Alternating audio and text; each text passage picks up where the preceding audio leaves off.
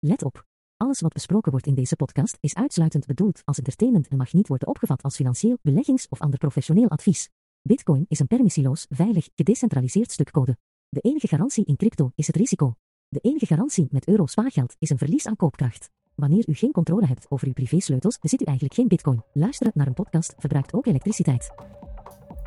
Goedenavond, beste luisteraars. Dit is een uh, soort van extra aflevering van de Alles voor Bitcoin podcast. Bij mij zit een uh, super, super specialist, expertise, proof of work en alles wat u maar wil. Uh, maar we gaan even een setup doen, namelijk we gaan een artikel dat vandaag in een krant verscheen, namelijk De Tijd. En dat artikel was, werd geschreven door Koen Schoors, hoogleraar economie van de Universiteit van Gent.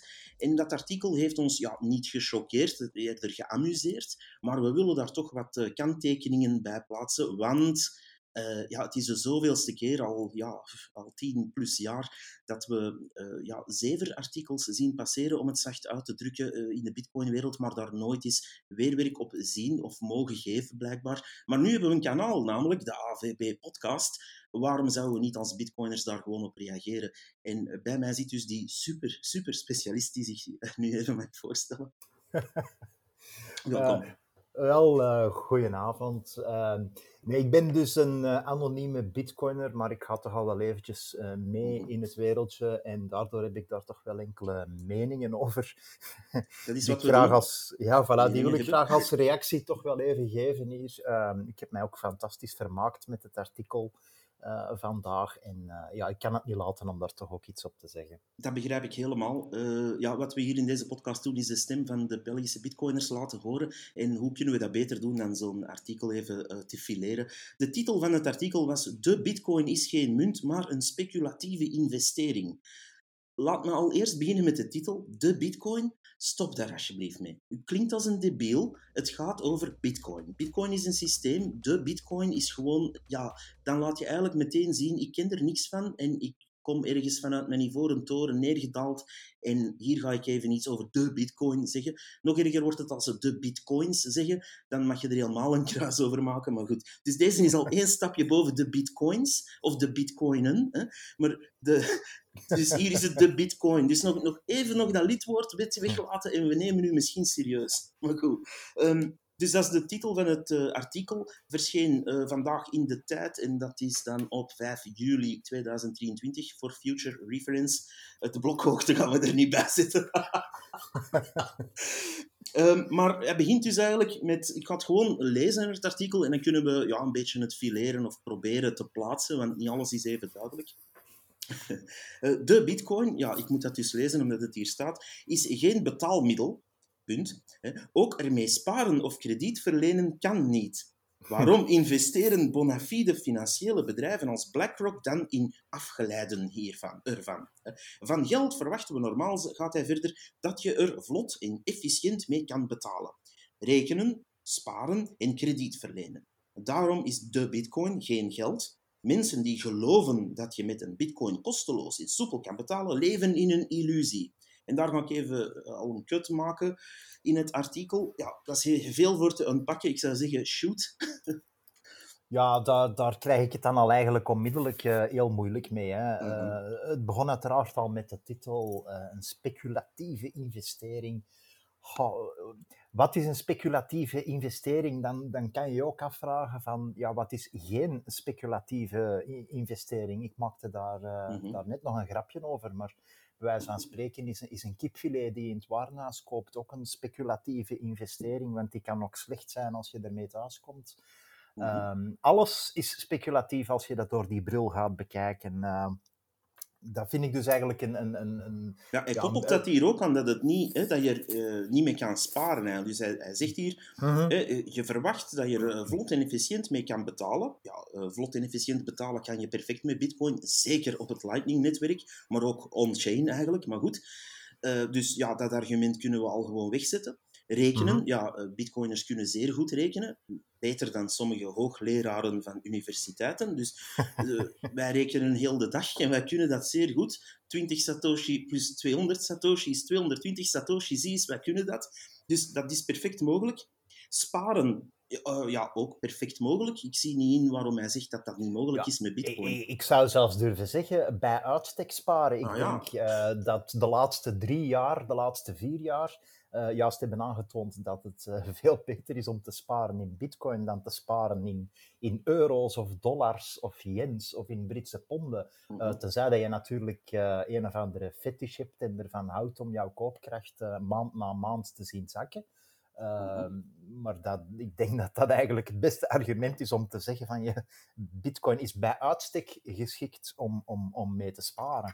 Ja, plus, ik wil hier meteen, als hij daarop in zou gaan, of willen gaan, maar ik doe het anyway waarschijnlijk, ik wil direct 1000 euro bij een grootbank naar keuze, ja, nee, niet naar keuze, naar gewoon een grootbank eh, zetten en die eh, 10 jaar daar laten staan. En die, die 1000 euro zal dan af en toe wat percentjes krijgen. Gemiddeld, laat ons nog nemen, 2% per jaar, dat is enorm veel. Dat is denk ik vijf keer meer dan wat je nu echt krijgt. Maar goed, laat ons daar dan van uitgaan. En die, eh, ja, een tegenhanger van die 1000 euro gaan we in bitcoin steken. En dan wachten we ook eens 10 jaar. Eh, ja, je moet geen glazen bol hebben om te voorspellen wat er daar gebeurt. Want als je dan de voorbije 10 jaar eventjes als, ja, het mag eigenlijk niet meer als eh, ja, eikpunt neemt, dan zie je toch dat spaargeld volledig vernield, maar echt vernield is door bitcoin qua eh, performantie. Dus wat die man hier zegt, ik, ik begrijp zelfs niet hoe hij daar komt.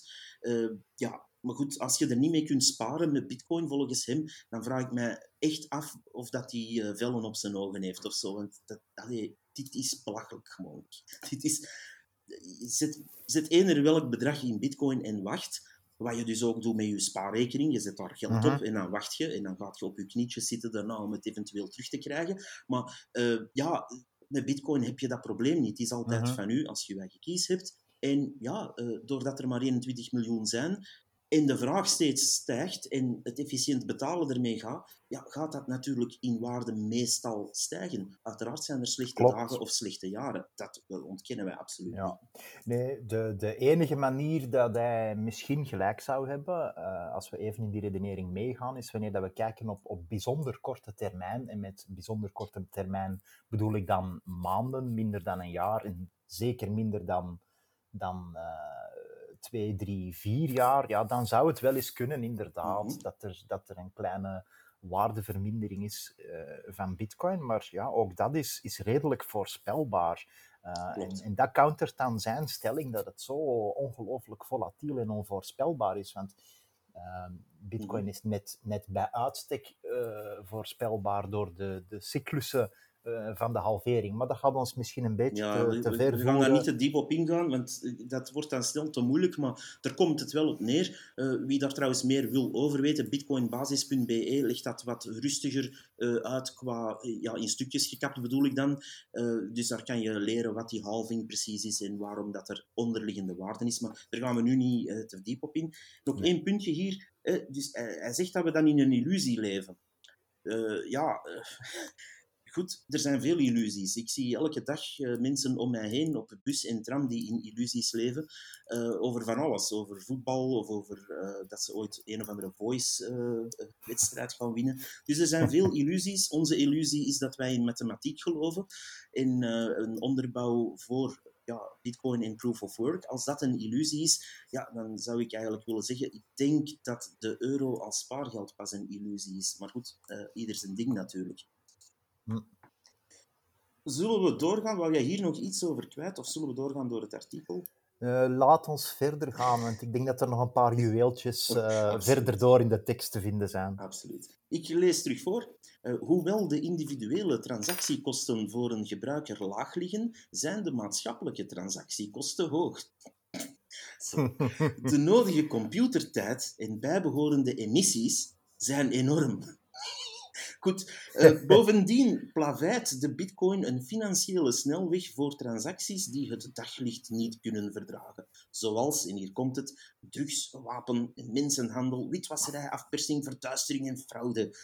Hmm, mooie opsomming. Eh, de potentiële negatieve externe effecten zijn met andere woorden niet te overzien. Daarom zullen de meeste overheden nooit de bitcoin als officiële betaalmunt aanvaarden. Goed, dat eh, was het stukje. Ja, ik ga hier al eerst shooten op het volgende. Ehm, hij zegt hier letterlijk dus dat de maatschappelijke transactiekosten hoog zijn. Wel, ehm, voor 2009, voor Bitcoin zelfs bestond, waren er ook over van alles dezelfde discussies. De maatschappelijke transactiekosten, dat is er voor veel. Nu, Bitcoin lost net veel van die problemen op. En dat is wat die mensen met opzet negeren, want zij weten dat dat kan niet anders. Maatschappelijke transactiekosten gaan we het eens hebben over banken, over, hè, hij haalt hier wapentoestanden, mm -hmm. mensenhandel en zo verder. Dus voor 2009 was er waarschijnlijk geen wapenhandel, mensenhandel, witwasserij, afpersing, verduistering en fraude.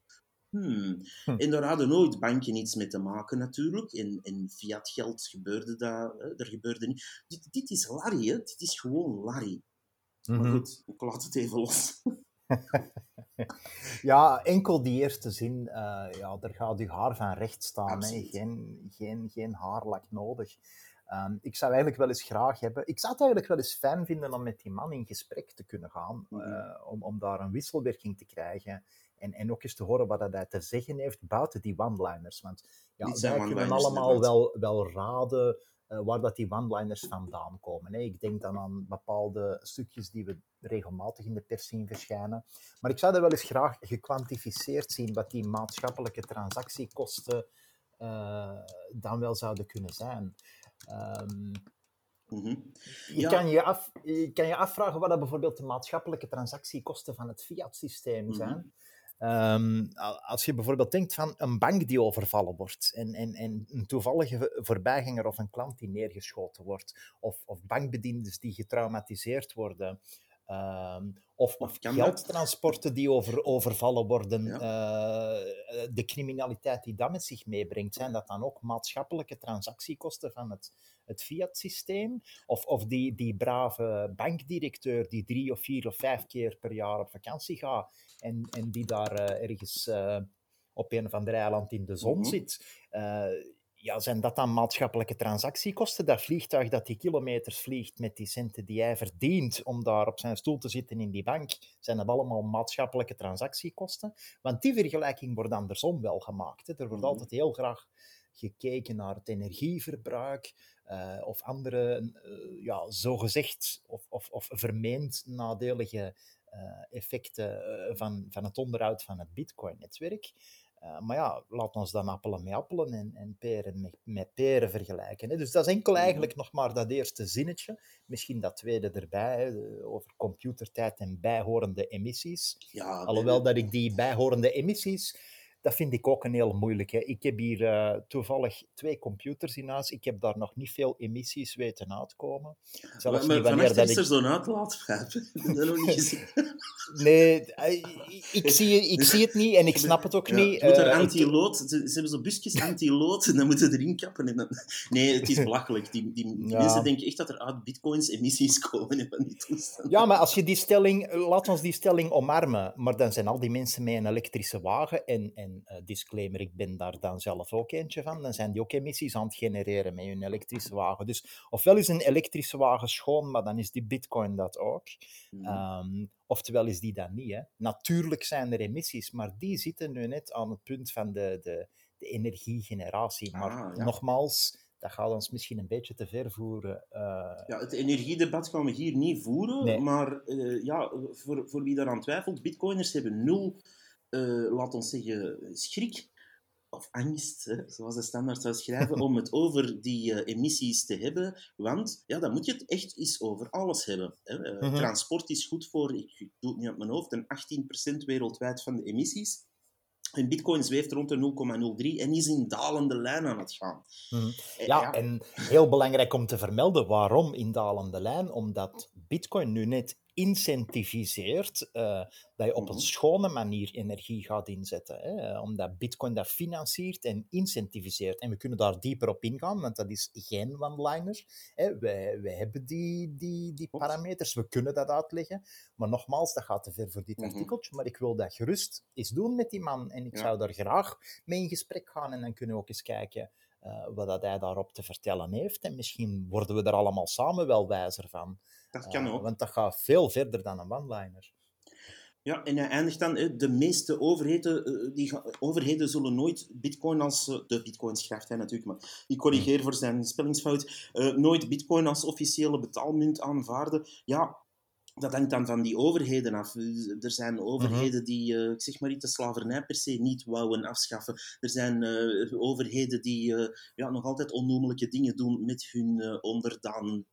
dus mhm. ja, een overheid is nu eenmaal een samenraapsel van wat de bevolking daar wil of wauw ooit, en dan overheerst wordt. En ja, vroeg of laat worden zo'n regimes dan ook wel overhoop gehaald um, en, en ja, anders vormgegeven. Dus er, er, zijn al wel landen waar men het uh, als officiële betaalmunt aanvaardt. Dus wat hij hier schrijft, dat uh, de meeste overheden dat niet gaan mm -hmm. doen, tja, het is eerder omgekeerd. Er zijn meer en meer overheden die daar op zijn minst naar kijken of het al hebben ingevoerd. Mm -hmm. Dus ook daar leeft hij zelf in een illusie, denk ik. Uh, ja. ja. ik maak mezelf geen illusie dat België dat niet, niet rap gaat doen. Dus de, de tijd dat uh, Bitcoin hier de officiële betaalmunt gaat worden, dat zal net na Noord-Korea zijn. maar goed. Nee, klopt. Ik, ik, ik moet eigenlijk een klein beetje meegaan in zijn stelling hier. Ik geloof wat hij zegt van de meeste overheden zullen dat niet doen, maar enkel de daarom uh, heb ik een probleem mee. Want hij, hij, koppelt dat aan die negatieve externe effecten en allerlei criminaliteit. Nu, dat is natuurlijk niet de reden dat oh, overheden dat niet gaan implementeren. Nee, de reden is natuurlijk omdat overheden op die manier uh, een gedeelte van de controle uh, gaan kwijtspelen over, over, hun economie, over hun burgers, uh, over bepaalde geopolitieke en geostrategische initiatieven die ze nu wel kunnen nemen. Uh, dus ik denk dat daar eerder het schoentje wringt, maar dat gaat natuurlijk niemand vertellen. Hè.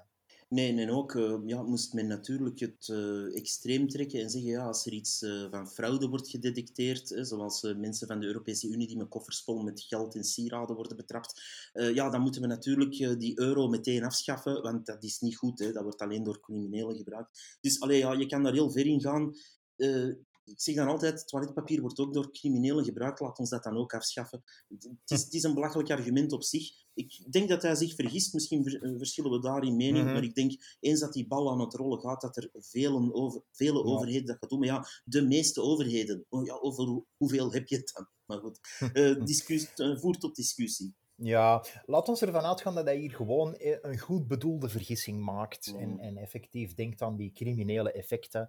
Uh, maar wanneer je Bitcoin kent, ja, dan weet je ook dat Bitcoin ja, absoluut ongeschikt is uh, voor dat soort transacties. Hè. Bitcoin is transparant. Uh, elke transactie kan opgezocht worden en eigenlijk gevolgd uh, tot in zekere mate.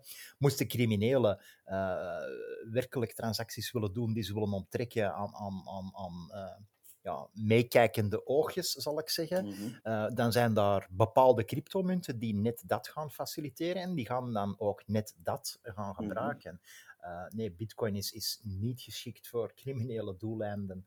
Um, nee, dus uh, ja, uh, daarom dat hackers ook, uh, wanneer ze grote bedrijven of bepaalde steden viseren, natuurlijk andere munten dan bitcoin vragen. Oh. maar goed, ja. als rekeneenheid is de waarde van de... Ik ga door met het artikel. Als rekeneenheid is de waarde van de bitcoin te onstabiel. Punt. Burgers van landen met instabiele munten rekenen gewoonlijk in stabielere buitenlandse munten en hun overheid gebruikt dikwijls die buitenlandse munt als officiële munt. De Amerikaanse dollar is ook de officiële munt. En dan noemt hij hier een hele reeks uh, landen zoals Zimbabwe, Oost-Timor en zo verder. Maar daarnaast hebben elf landen een muntbord met de Amerikaanse dollar, waarbij de waarde van de munt wordt gelijkgesteld aan de stabielere dollar en het monetair beleid volledig afhangt van de dollarreserves. Hm. gaat nog even door. Kosovo, Montenegro gebruiken zelfs de euro als officiële munt. Um, uh, hoewel ze geen lid zijn van de eurozone. Bosnië-Herzegovina heeft een muntbord met vooral de euro. Ook Bulgarije, Estland, Litouwen gebruiken muntborden met de euro om hun economie te stabiliseren. Als spaarmiddel heeft de bitcoin geen toekomst, gaat hij verder. Risico-averse spaarders eisen voorspelbaarheid en liquiditeit, terwijl de waarde van de bitcoin net notoir, onvoorspelbaar en illiquide is. Ik ga daar al even stoppen. Ja. Over het eerste stukje, als rekeneenheid is de waarde van de bitcoin te onstabiel. Dit is zever. Rekeneenheid. Er is geen onstabiliteit in bitcoin qua rekeneenheid. Ehm, je, je kan altijd, als je dat wilt, vergelijken met uh, fiat. Hij heeft het natuurlijk over waarde tegenover ja, de, de echte koopkracht. Hè. Als je een, een, een, jas die 100 euro kost, uh, 100 euro prijst, blijft dat 100 euro. Uh, tot je door hebt dat de inflatie u bijt en dan wordt dat 120 euro. En in bitcoin ja, zul je met die prijzen een beetje mee moeten gaan en dan, ja, dan wordt dat 0,0 zoveel bitcoin. Dus, allee, uh, goed, het enige dat ik daar als nadeel zou kunnen zien is inderdaad, mensen zijn dat niet zo gewoon om in sats of in bitcoin te rekenen, zeker hier in Europa niet. Ja, dat is een kwestie van gewoonte. We hebben ook leren van de Belgische frank naar de euro gaan, dus who cares. Um, en dan ja, dat tweede stuk, ik zou zeggen, als spaarmiddel heeft de bitcoin geen toekomst, daar begint hij dan mee. Ja, wat moet je daar nog op zeggen? Uh, ik kan daar enkel eens heel, heel, heel diep uh, zuchten eigenlijk. Um, dat komt dan van een hoogleraar economie. Ik bedoel, kom aan. Die, die... Ja, dat is het moeilijke Als dat van een of andere BV moest komen, die ze rap een micro onder zijn neus hebben geduwd, akkoord, whatever. Maar dit, dit zijn toch mensen die beter moeten weten. Kom. Je, je kan eigenlijk alleen maar gaan denken dat daar een andere agenda achter zit of een andere bedoeling achter zit. Maar als hoogleraar economie moet je toch interesse hebben, denk ik, in alles wat dat dan met je veld te maken mhm. heeft. Um, moest ik hoogleraar economie zijn, voor alle duidelijkheid, ik ben dat zeker en vast niet. Ik zou mij interesseren in, in, in de bitcoin. Ik zeg het nu mm -hmm. expres. Hè. Ja. ja. in die uh, zou... moet je dat zo zeggen, anders hoort het niet. nee, ik zou mij daarin verdiepen. Ik zou daar uh, meer over willen, willen leren. En, en dat zou als effect hebben dat, het, dat ik zo'n tekst niet meer zou kunnen schrijven. Omdat mm -hmm. ja, die, die tekst die toont gewoon aan dat die man zich daar nog nul in heeft verdiept. Um, ja, eh, hij schrijft hier dus letterlijk: risico-averse spaarders eisen voorspelbaarheid en liquiditeit. Maar uh-huh. kijk, het concept risico-averse spaarder vind ik al zoiets stom. Namelijk, kijk, vroeger kon je sparen, en dan spreek ik over heel vroeger, hè, door gouden munten, bij wijze van spreken, in uw tuin te gaan begraven of op een uh, geïsoleerde plek. En dan kon je op die manier sparen en hopen dat niemand dat ontdekte. En dan kon je dat op een bepaald moment gaan opgraven en dan had je je gouden munten. En die zijn ook iets waard, want ja, de waarde van goud moeten we niet over discussiëren. Oké, dan zijn er dus risico-averse spaarders, zegt hij. Hoe kan je nu in deze wereld, in de fiat-wereld, risico-averse spaarder zijn? Dat is een contradictie in termen, want je spaart in het fiat-wereldje, waar je continu wordt geconfronteerd met waardedaling, koopkrachtdaling, um, inflatie, bijprinten, mm noem het maar op. als je dan risico-avers bent, dan heb je no escape. Want ik vergelijk het altijd, je staat op een strand en links liggen er landmijnen en daarachter een klomp goud. En uh, rechts van u liggen er allemaal ja, uh, grote plekken dat eigenlijk drijfzand is, maar men vertelt dat niet. En daarachter ligt een koekje. En dan rennen de mensen naar dat koekje, want ja, met die landmijnen wil ik niks te maken hebben, dus ik kan naar dat koekje rennen en je zingt weg. Maar je ziet het koekje wel, hè? het komt eraan, hè? je zet er bijna dat is een beetje spaargeld nu. Dus als je risico-avers bent, springt je op dat moment gewoon in de zee en zwemt je zo snel mogelijk weg. dan heb je geen risico. Ja. Het is gewoon belachelijk wat die mensen gaan. Risico-averse spaarders eisen voorspelbaarheid. Nu, de enige voorspelbaarheid is dat hun koopkracht naar beneden gaat gaan.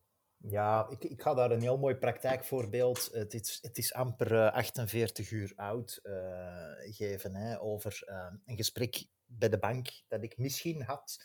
Uh, als als uh, ondersteuning voor iemand anders die daar moest zijn. En ja, dan, dan hebben ze daar fantastische spaarproducten waar dat je met een rendement van, van ja, misschien, misschien 5 à 6 procent binnen uh, een jaar of 6, 7. dus dan spreken we over 1 procent per jaar.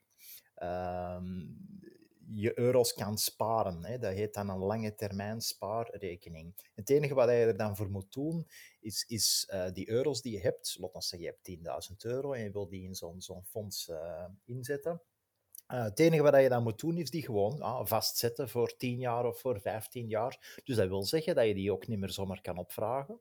Ja, ja, dat kan je natuurlijk wel, maar dan heb je een boete van, van 20 of 30 procent. Boete, hè? dus dat is effectief de terminologie die dan gebruikt wordt. En dan krijg je in plaats van jouw 10.000 euro, krijg je er uh, nog 7, hè, wanneer je ze mhm. er te snel uithaalt. Is dus ik vind dat eigenlijk... ja, maar, maar dat vind ik eigenlijk een heel mooi punt, want hij gaat een beetje verder door, gaat hij zeggen van...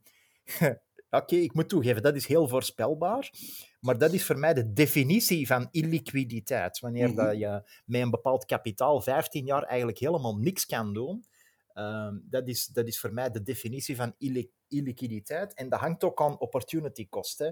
Eh, beeld u maar eens in dat er, eh, ik ga traditioneel zeggen, dat er een, een aandeel is eh, wat je weet dat op, op 10, 20 jaar tijd alleen maar kan stijgen en er is een of andere beurscrash Mhm. en ah, het is 30% korting, je zou dat graag willen kopen, maar ja, je hebt eigenlijk geen liquide middelen. Eh, dus je wil dat doen met die 10.000 euro in je lange termijn eh, spaarrekening, ja, dan gaat daar al gewoon een derde van af.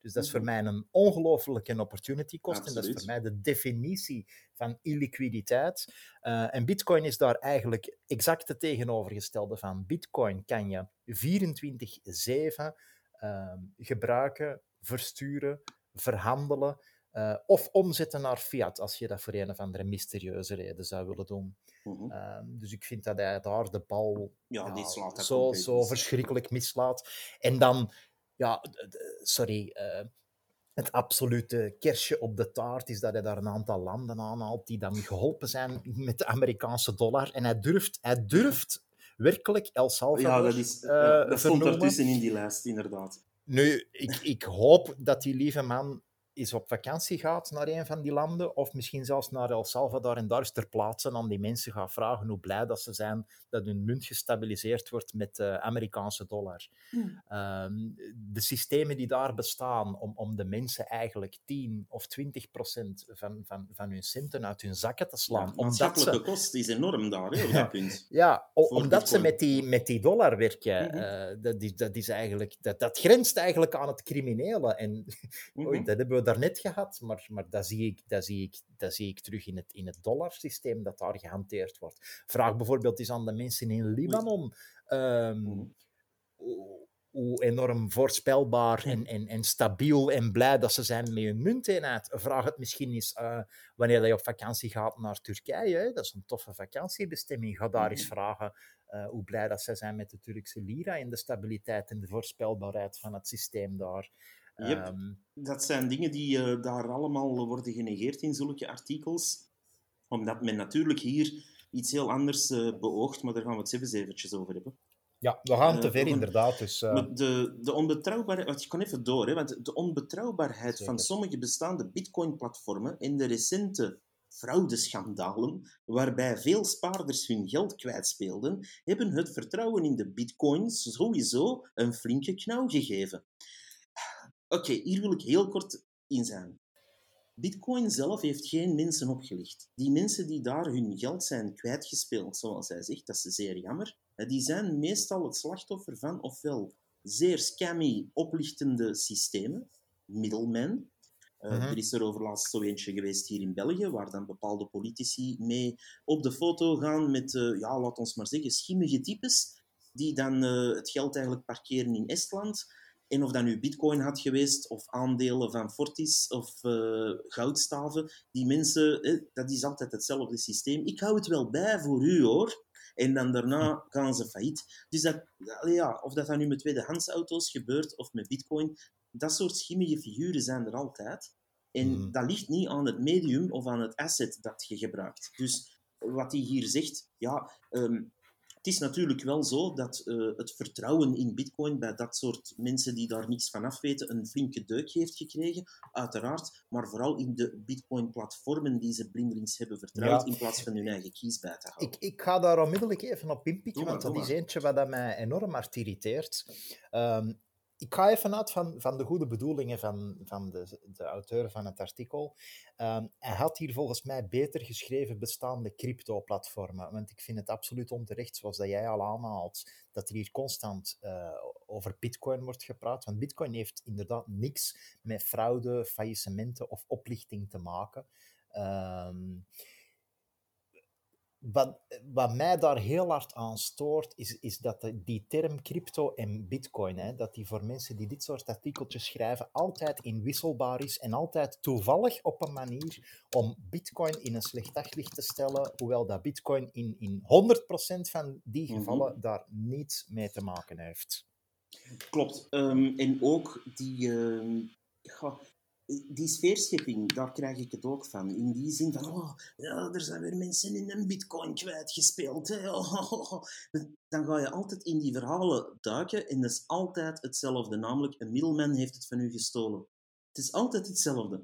En die middelman, dat is dan meestal nog iets uit hun klik, of toch iets waar ze iets mee te maken hebben, of eerst de hemel hebben ingeprezen en dan, oei, ja, het is toch niet goed.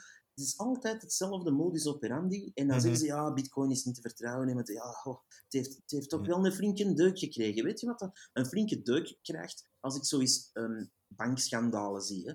Uh, wat was daar? Panama Papers en uh, de andere papers die we allemaal hebben zien passeren. Dan krijgt van mij een, het hele financiële systeem en het hele bankwezen eigenlijk een flinke deuk. Maar daar wordt nooit mhm. op gereageerd. Die mensen zijn nog steeds niet in de gevangenis gevlogen.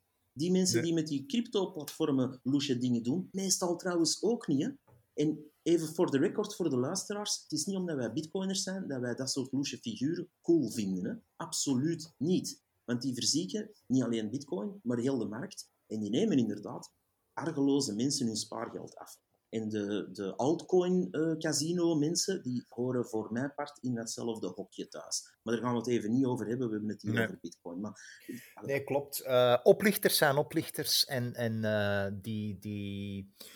die, die zullen in, in crypto treden, die zullen in andere dingen treden en die zullen hun producten aan de markt proberen te brengen op eender welke manier. We hadden een uh, klein technisch issue, maar we zijn terug op de rails. Dus jij wou nog iets zeggen over die, uh, ja, uh, het wantrouwen of het vertrouwen dat een knauw zou hebben gekregen, omdat er zoveel fraudeschandalen zijn volgens deze auteur. Ja, uh, ik wil dat gerust uh, geloven dat er mensen zijn die daardoor in hun vertrouwen uh, wankel worden. Maar ik heb daar zelf eigenlijk een, een vuistregel. Iedereen gaat, of iedereen die iets met Bitcoin te maken heeft, heeft die vast en zeker al gehoord. Hè. not your keys, mhm. not your Bitcoin. Ik ga daar zelfs nog iets verder in. Ik zou zeggen, not your keys, not Bitcoin. Mhm. Eh, en wat bedoel ik daarmee? Kijk, wanneer dat je Bitcoin op een exchange hebt staan, of op een bank, of op eender welke custodial, uh, maar iemand anders waar dat je via hun systeem uh, een transactie moet opstarten of, of, een, of, een, of een withdrawal moet, moet requesten op eender welk mogelijk. En dat mag fantastisch goed beveiligd zijn, daar heb ik het niet over.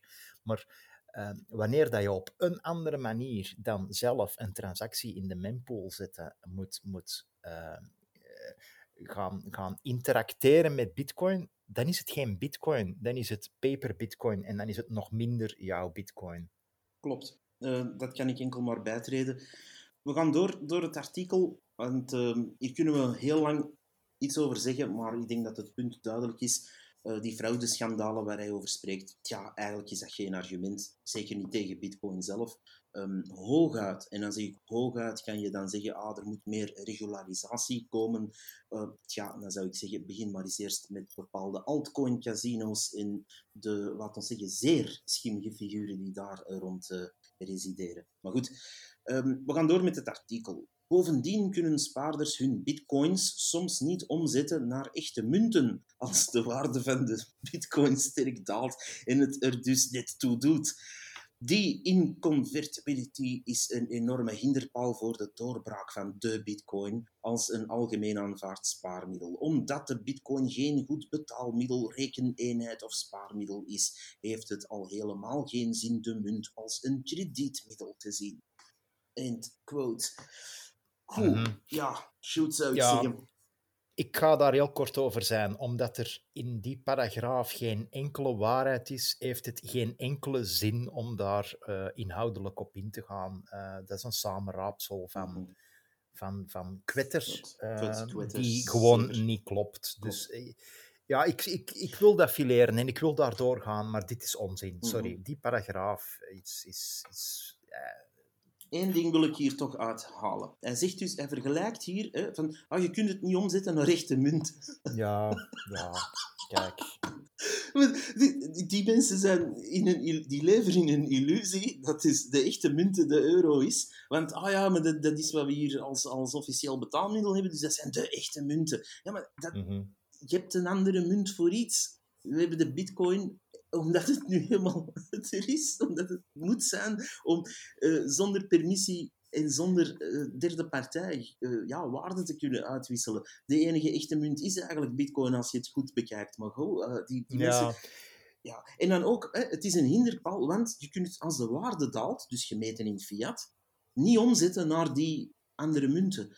En dan doe het er net toe, zegt hem. Dus hij, geeft eigenlijk net toe van, kijk, de enige reden dat je dat zou kopen is om snel uh, fiatwaarde te zien stijgen. En dan als dat goed hoog staat om dat te verkopen. Uh, dit is inderdaad, zoals gezegd, onzin. Uh, kredietmiddel kan dan ook niet Nee, hij, hij, haalt, hij haalt het gewoon door elkaar. Hè. Uh, is het nu een spaarmiddel? Is het nu speculatief? Ja, hij gebruikt die termen inwisselbaar wanneer het voor zijn argumentatie uitkomt. Mm -hmm. uh, maar, maar sorry, ja, dat is het excuseer. Ze gooien ook altijd alles op elkaar, omdat dat ook het makkelijkste is. Namelijk, ze kunnen geen, laten we zeggen, cookie, cookie-cutter uh, definitie geven op Bitcoin, want daar moet je natuurlijk eerst research voor doen. En dat is ook niet zo gemakkelijk. Je kan niet zeggen wat is Bitcoin in één zin. Dat lukt eigenlijk niet echt. Ehm, maar goed. Hè.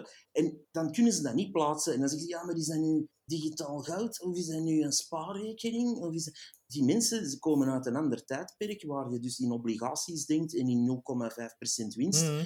En die, die, die kunnen niet meer wakker gemaakt worden, blijkbaar. Jammer genoeg laten ze die dan wel dit soort artikeltjes schrijven. Maar goed, we gaan dit stukje afsluiten, want dat, dat, die laatste paragraaf daar in het midden is echt gewoon ja, pure onzin. Ja, we gaan, we gaan, we gaan het laten staan. Inderdaad. Uh, het frustreert wel enorm om zoiets te lezen, want ik vergelijk het altijd van, ja, je, je weet dan over een onderwerp iets en dan laten ze iemand antwoord die daar eigenlijk ja, van verre misschien zou iets mee te maken kunnen hebben. Maar ja, dan haal ik mijn vergelijking weer boven. Ja, je wil uh, een, een, Formule 1 race uh, gaan mm. commentariëren en je haalt Jean-Marie Paf boven. Ja, want dat is ook sport. Ja, ja.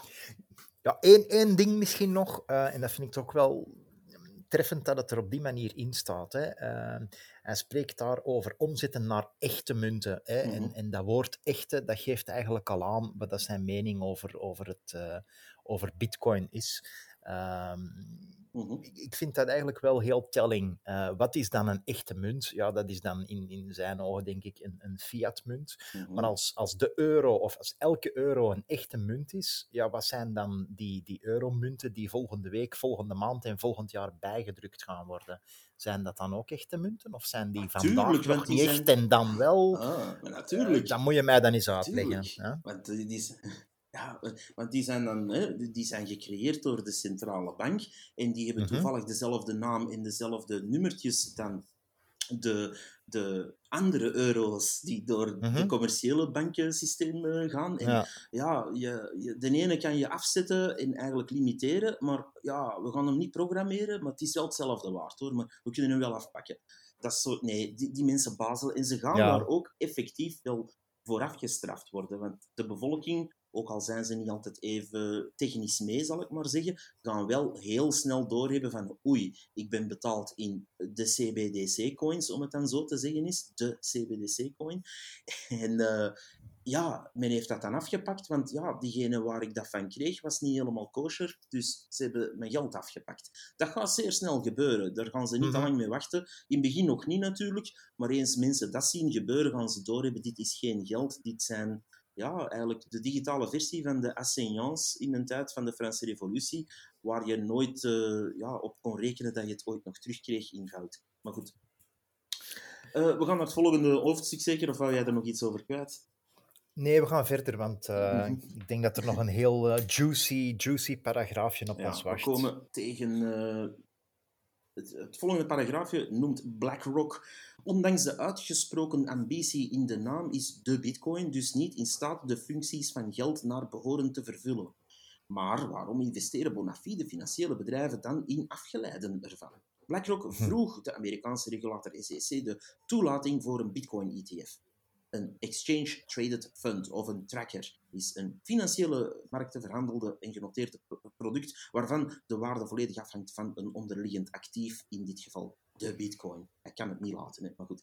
Ik kan heel even door, want dat hoort erbij. Andere financiële spelers, zoals Invesco, WisdomTree, Bitwise, ARK Investment mhm. Management, en hij noemt ze helemaal op, uh, dienen ook een aangepast ETF-verzoek in. Ook Fidelity, hij noemt er dan uh, ja, een aantal dingen uh, toe. Eigenlijk met als doel een ETF op te richten om hun pensioen fondsen mee te spekken, mhm. eigenlijk. Hè. De reden is dat de bitcoin zich wel heeft ontwikkeld als een interessant speculatief alternatief voor investeerders. Wie een goed, gediversifieerd en efficiënte portfolio wil uitbouwen, is op zoek naar activa waarvan de return en de volatiliteit zoveel mogelijk losstaan van die van andere activa. Daar stop ik even. Goh, dat is een mooie. Hè? Uh, Dit is eigenlijk de eerste keer dat hij een waarde of, of een voordeel uh, tussen haakjes dan van, van Bitcoin gaat Met brengen. Met een bepaald doel geeft hij dat dan toe, hè, inderdaad. Dat dat wel ja. Een, ja, in een gediversifieerde portfolio kan uh, worden geduwd. Ja, nu bij, bij het begin van, van dat stukje dacht ik echt, hè, je noemt daar ook al die, al die bedrijven op die daar die, die, die ETF's willen, willen gaan invoeren. Uh, en dan vraag ik mij af, ja, is die man, uh, die hoogleraar economie, is dan zoveel verstandiger dan al die bedrijven uh, in, in, zijn aversie van bitcoin? maar dan gaat hij het inderdaad een klein beetje kaderen, hè, omdat het zich heeft ontwikkeld als een interessant speculatief alternatief. Mhm.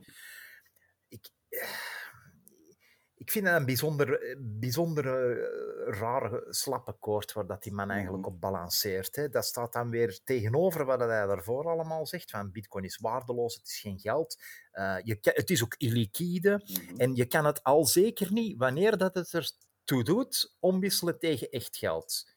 Maar het mhm. is dan wel een interessant speculatief eh, alternatief voor investeerders. Ja, die hebben dat dan niet nodig, hè, liquiditeit, of die, die willen dat ook niet naar echt geld omvormen, of die willen dat ook niet versturen. Nee, nee, dat is ja, dan eigenlijk... BlackRock is niet geïnteresseerd in winst of iets omzetten.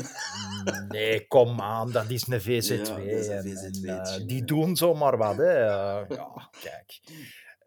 Ja, ik, ik, vind het vreemd van die twee visies, van, van één pen in, in één eigenlijk toch wel kort artikel uh, te lezen. Ik kan dat niet goed plaatsen waar dat, dat vandaan komt.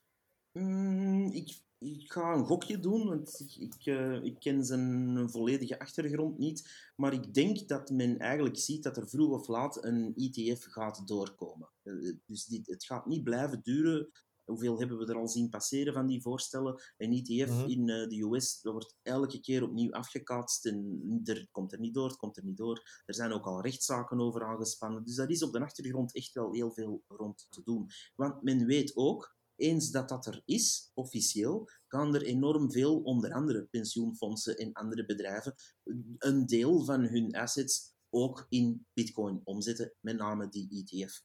En dan is het hek van de dam natuurlijk, want dan blijft uh, de voorspelling van Satoshi Nakamoto, de oprichter, allee, de uitvinder van uh, Bitcoin, ja, oprichter, voor mij. Mm -hmm. Maar, uh, en die zegt dan van, ja, kijk, het is eigenlijk een feedback loop. Naarmate dat het beter draait, meer gebruikt wordt, zie je ook de waarde stijgen, omdat er natuurlijk een limiet is op het aantal Bitcoin die er maar kan zijn. En ja, dat is een feedback loop waardoor andere mensen ook aangetrokken worden om dat te doen. Dit is daar een mooi voorbeeld van. En ik vrees dat die auteur hier eigenlijk denkt van, eigenlijk gaan we dat nog eens zoveel mogelijk zwart maken, want hopelijk komt zo'n ETF er niet. En ik denk dat daar eigenlijk het achter zit. En daarmee, mhm. ja, dat was zwart maken van oei, ja, men gaat nu iets dat geen waarde heeft en eigenlijk een hoop rommel is en je niet kunt omruilen en men gaat dat nu in zo'n ETF steken. Dus eigenlijk hoor je hier al met dat paplepel erin gegoten van beste lezers van deze krant, koop zo'n ETF alsjeblieft niet, want er zit bitcoin in. Dat is een beetje zoals...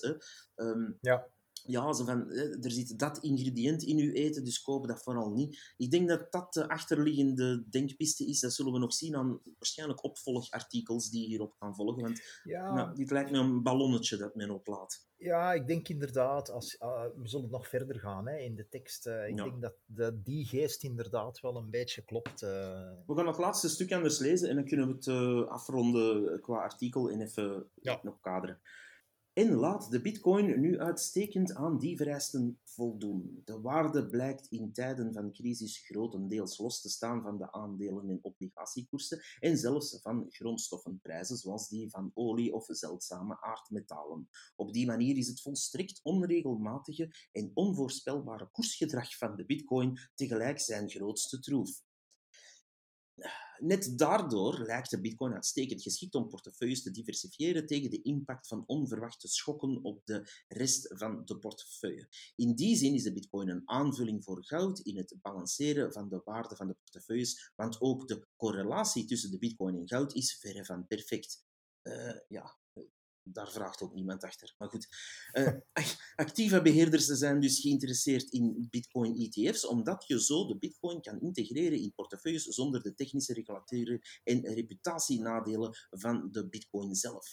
In de veronderstelling natuurlijk dat de Bitcoin zelf iets waard blijft. En nu komt het, omdat de munt geen onderliggende waarde heeft, is het niet zeker of Bitcoin-ETF's waarde zullen hebben in de toekomst. Een waardeloos actief is ook niet gecorreleerd met andere activa, maar daarom nog geen goede investering. Afwachten dus of het echt zal werken. Einde van het artikeltje. Oeh, uh, ja, ik kan, kan al één ding eruit pikken zelf. En dat is, hij zegt hier van, uh, het is niet gecorreleerd met de, de aandelen en, uh, obligatiekoersen als je naar de S&P 500 kijkt, is er toch wel, ik zeg niet perfecte correlatie, maar loopt Bitcoin daar een beetje voor. Hè? Als, je, als je bijvoorbeeld ziet dat in, uh, in het weekend Bitcoin echt een stevige knauw krijgt, ik zeg maar iets, 10%, 15% naar beneden, dan kan je er de donder op zeggen dat er maandag ook iets op de beurs gaat gebeuren. Loopt dat mhm. helemaal altijd gelijk? Nee, want anders zouden er heel veel mensen stinkend worden om op die manier de beurs te kunnen voorspellen. Maar uh, er zitten toch wel wat eh, gelijklopende dingen in. Als er bijvoorbeeld ook wordt gezegd van kijk, we gaan de interest rates aanpassen, ja, dan gaat men eigenlijk het risico geld zien omhoog of naar beneden gaan qua uh, daarvoor lenen en gaat men uh, ja, ook een effect zien op de bitcoinprijs. Maar dat zijn natuurlijk korte termijn speculatieve bewegingen die uiteraard in bitcoin en in andere zaken ook zitten. Dit heeft niks te maken met lange termijn. Het, het, het, doel en het, de kern van wat bitcoin is, die, die man slaat volledig de bal mis over wat bitcoin is. Dat is eigenlijk uh, mijn frustratie hier. En hij zegt dan op plaatsen nog hè, een waardeloos actief, hè, omdat hij dus zegt, ja, het heeft geen onderliggende waarde. Hoeveel keer, en ik klop hier op tafel, hoeveel keer moeten we dat nu nog zeggen?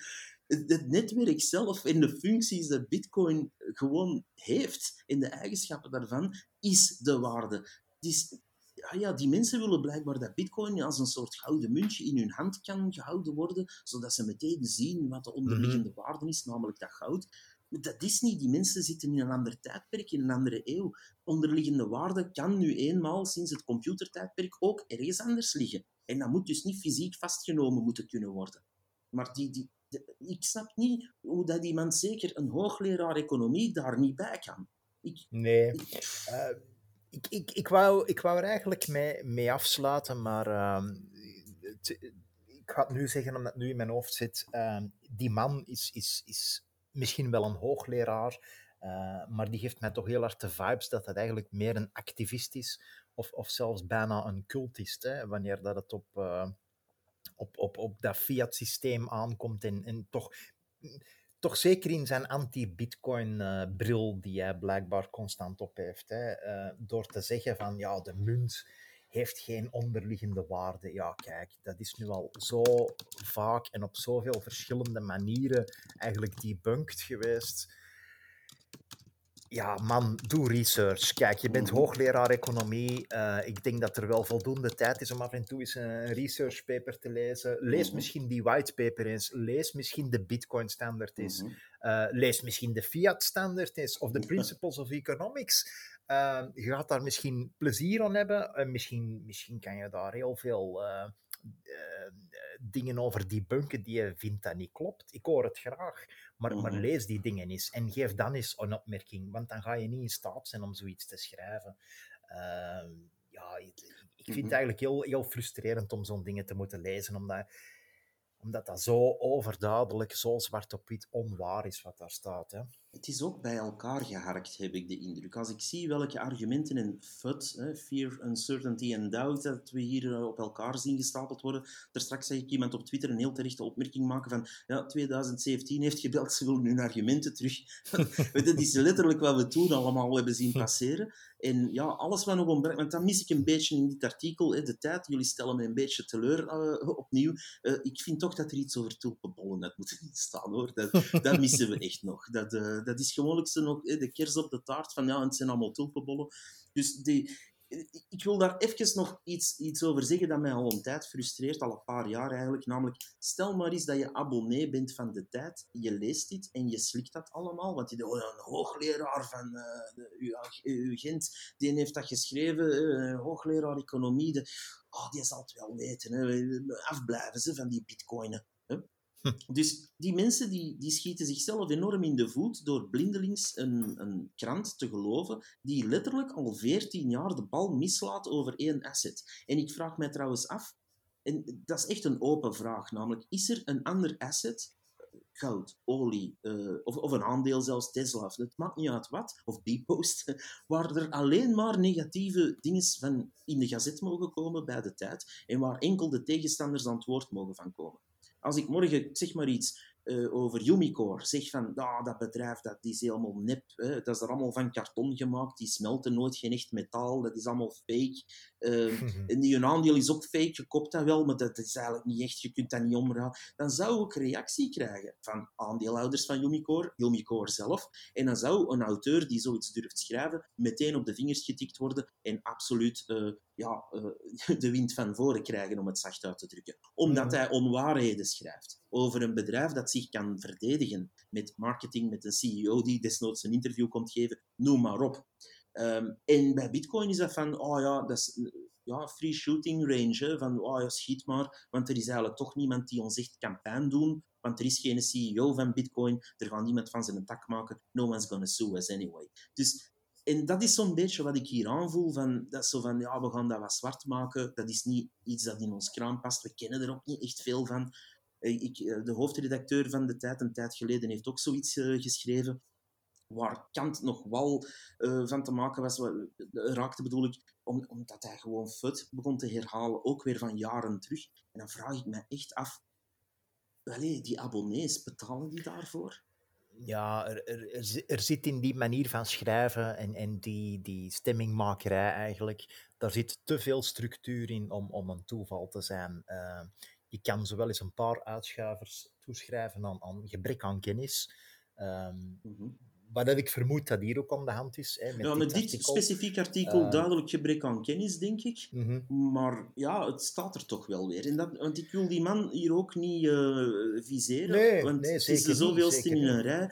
Uh, als men op, op dit, dit elan voortgaat, hè, vandaag is dat een Koen Schoors uh, de vorige keer was dat weer iemand anders. Er, verschijnen altijd wel andere namen, maar als men op dit elan doorgaat, dan vraag ik mij af wie daar nog zijn naam wilt gaan onderzetten onder dit soort, ja, sorry, bullshit.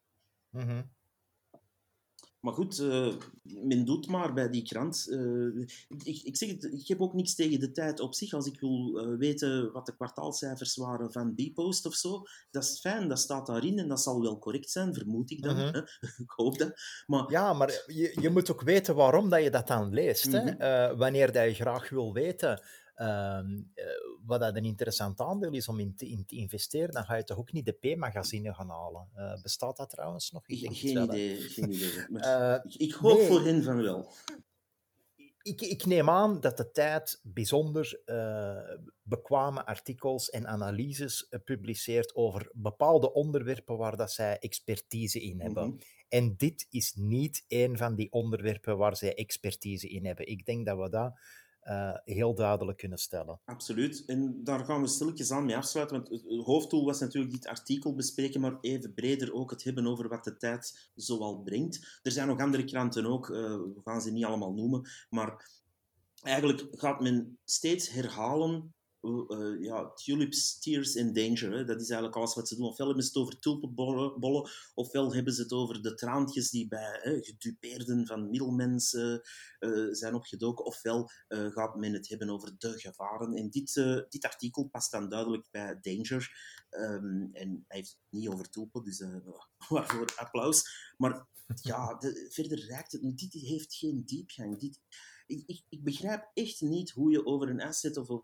ja, ik, ik, begrijp dat niet. Ik begrijp niet hoe dat je een serieuze krant kan zijn en niet zeggen, kom, we gaan de dag erop iemand uitnodigen die dit artikel die daar een ander licht op laat schijnen. En die Mhm. bijvoorbeeld zegt, ah kijk, eh, BlackRock gaat waarschijnlijk zo'n ETF ehm, ja, kunnen oprichten met bitcoin. En dat is goed om die of die of die reden.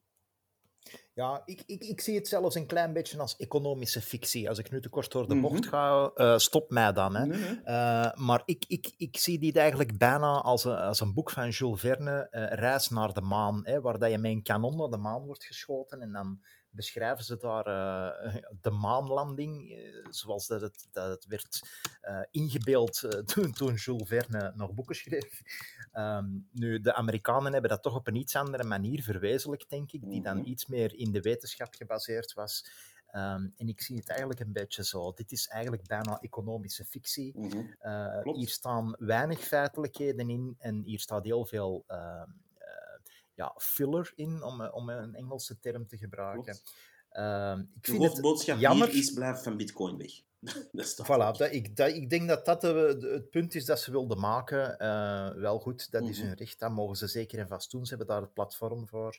Eh, maar weet, hè, mensen die, die deze podcast beluisteren, maar voor zover ze dat nog niet zouden weten, Mhm. eh, dat hier ongelooflijk veel, eh, ja, in mijn ogen, nonsens eh, in terug te vinden En we was. gaan dat blijven doen ook, want hun tactiek hier is heel duidelijk van als je om de, Mhm.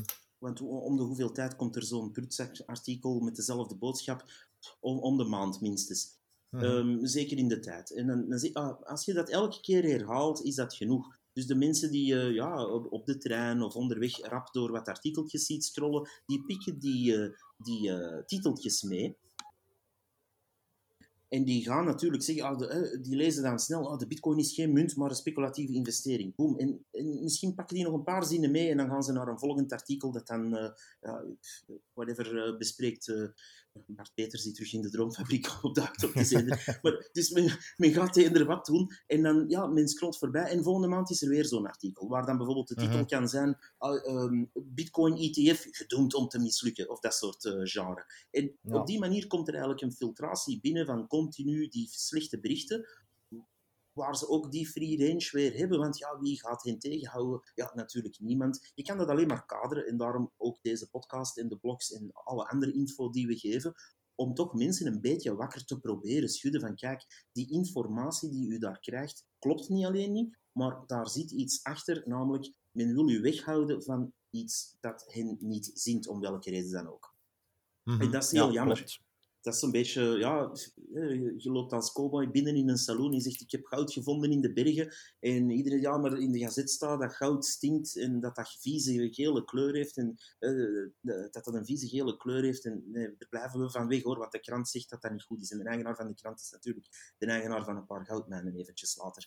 dus dat is zo, ja, ik heb daar een heel vies gevoel bij eigenlijk. Waarom ga je één asset, met name bitcoin, continu aanvallen zonder ooit zelfs weerwoord toe te laten? Dat is eh, Mhm. mijn laatste, mijn Ja, laatste kijk, feedback. en, ja, klopt. En misschien nog één ding dat ik eraan wil toevoegen, eh, en dat meen ik ook. Ehm, ik zou het ongelooflijk fijn vinden om eens met zo iemand eh, die dit soort artikel schrijft, in gesprek te kunnen Mhm. gaan. Hè. Dus misschien een warme oproep eh, naar, de auteur van dit artikel of, of eh, auteur van andere artikels of iemand bij de tijd die misschien deze podcast beluistert. Mhm. Ehm, laat ons er eens over praten. Ehm, ik zijn denk dat dat heel ja. fijn, ja, ik denk dat dat heel fijn kan zijn eh, voor ons als bitcoiners om, om dingen bij te leren. Misschien hebben wij het wel volledig bij het verkeerde eind. Mhm. Maar dan wil ik dat ook graag met, met, met feitelijke inhoud wil ik daarover bijleren. En andersom, hè, misschien is het mogelijk eh, dat mensen bij de tijd of, of eh, de auteur van dit artikel, dat die ook eens iets bijleren, maar dat ze niet uit een paper eh, hebben gelezen waar stevast wordt gesproken over de bitcoins. Mhm. Ja, ik kan dat alleen maar bijtreden. Ik heb deze podcast om de stem van bitcoiners te laten horen. Ehm, er zijn eh, al wel mensen gepasseerd die, laat ons zeggen, ook daar andere visies over hebben. Om heel duidelijk te maken, ik wil niet alleen positieve dingen horen over bitcoin. Men mag dat challengen. En graag zelfs, maar doe dat dan met eh, correcte argumenten. En ik heb zo'n dingen al gehoord, waar ik denk van, oh, hier moet ik toch eventjes over nadenken, want deze mens weet waar hem over bezig is. Maar dat moet je niet afkomen met dit soort artikels in ieder geval. Nee, klopt. Maar Dus, ja, eh, eh, we, gaan daarmee afsluiten. Ik denk dat we door het artikel zijn gefietst, dat we daar ehm, ja, toch wat amusement ook hebben uitgehaald. Um, ja, nogmaals een oproep. Uh, wie daarover wil praten, en zeker uh, Koen zelf. Uh, ik nodig u hierbij uit om ja, eenzelfde gesprek te hebben en ook nog eens door uw artikel te gaan. En dan, ja, dan kan u ons eens allemaal educeren over waar wij het dan zogezegd fout zouden hebben. Um, maar misschien leren we daar allemaal iets van bij. Want ik denk dat, dat die vijandigheid wil ik ook wat weghalen. In die zin, uh, bitcoiners reageren natuurlijk wat ja, soms sarcastisch of downright uh, vijandig tegen iets. Maar dat is ook om soms mensen uit hun tent te lokken, maar ook om iets duidelijk te maken. Je kan toch echt niet 14 jaar over iets negatiefs schrijven en zelfs niet eens een poging doen om iemand die pro is antwoord te laten. Dat is toch gewoon niet meer serieus, ook niet naar uw abonnees toe. En dat, dat vind ik dan zo jammer. Hm. Maar goed, daar gaan we afsluiten. Heel hartelijk bedankt om eventjes uh, mee te doen. Wou jij nog iets kwijt over dit artikel of in het algemeen?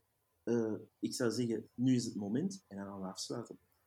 Nee, ik zou enkel nog uh, de auteur, meneer Schoors, willen aanraden om ook eens een kijkje te nemen op allesvoorbitcoin.be. Daar gaat hij op een heel bevattelijke manier misschien een aantal interessante dingen kunnen bijleren over Bitcoin. En misschien dat hij daar ook dingen in ziet staan die, waar hij helemaal niet mee akkoord is. Hij mag daar ook altijd op mhm. reageren. Uh, dat is trouwens een fantastische bron voor iedereen die graag nog iets wil bijleren over Bitcoin. Uh, en die is beschikbaar gratis en voor iedereen, dankzij uh, Alles voor Bitcoin. Dus daar wil ik toch nog eens voor bedanken.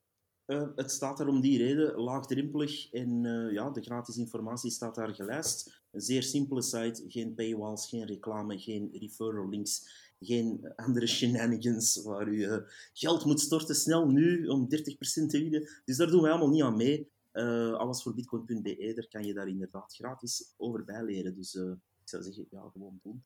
En dan kunnen we misschien dit soort artikeltjes beter kaderen. We gaan hier afsluiten. Dit was hem voor vandaag. Hartelijk dank. Bye.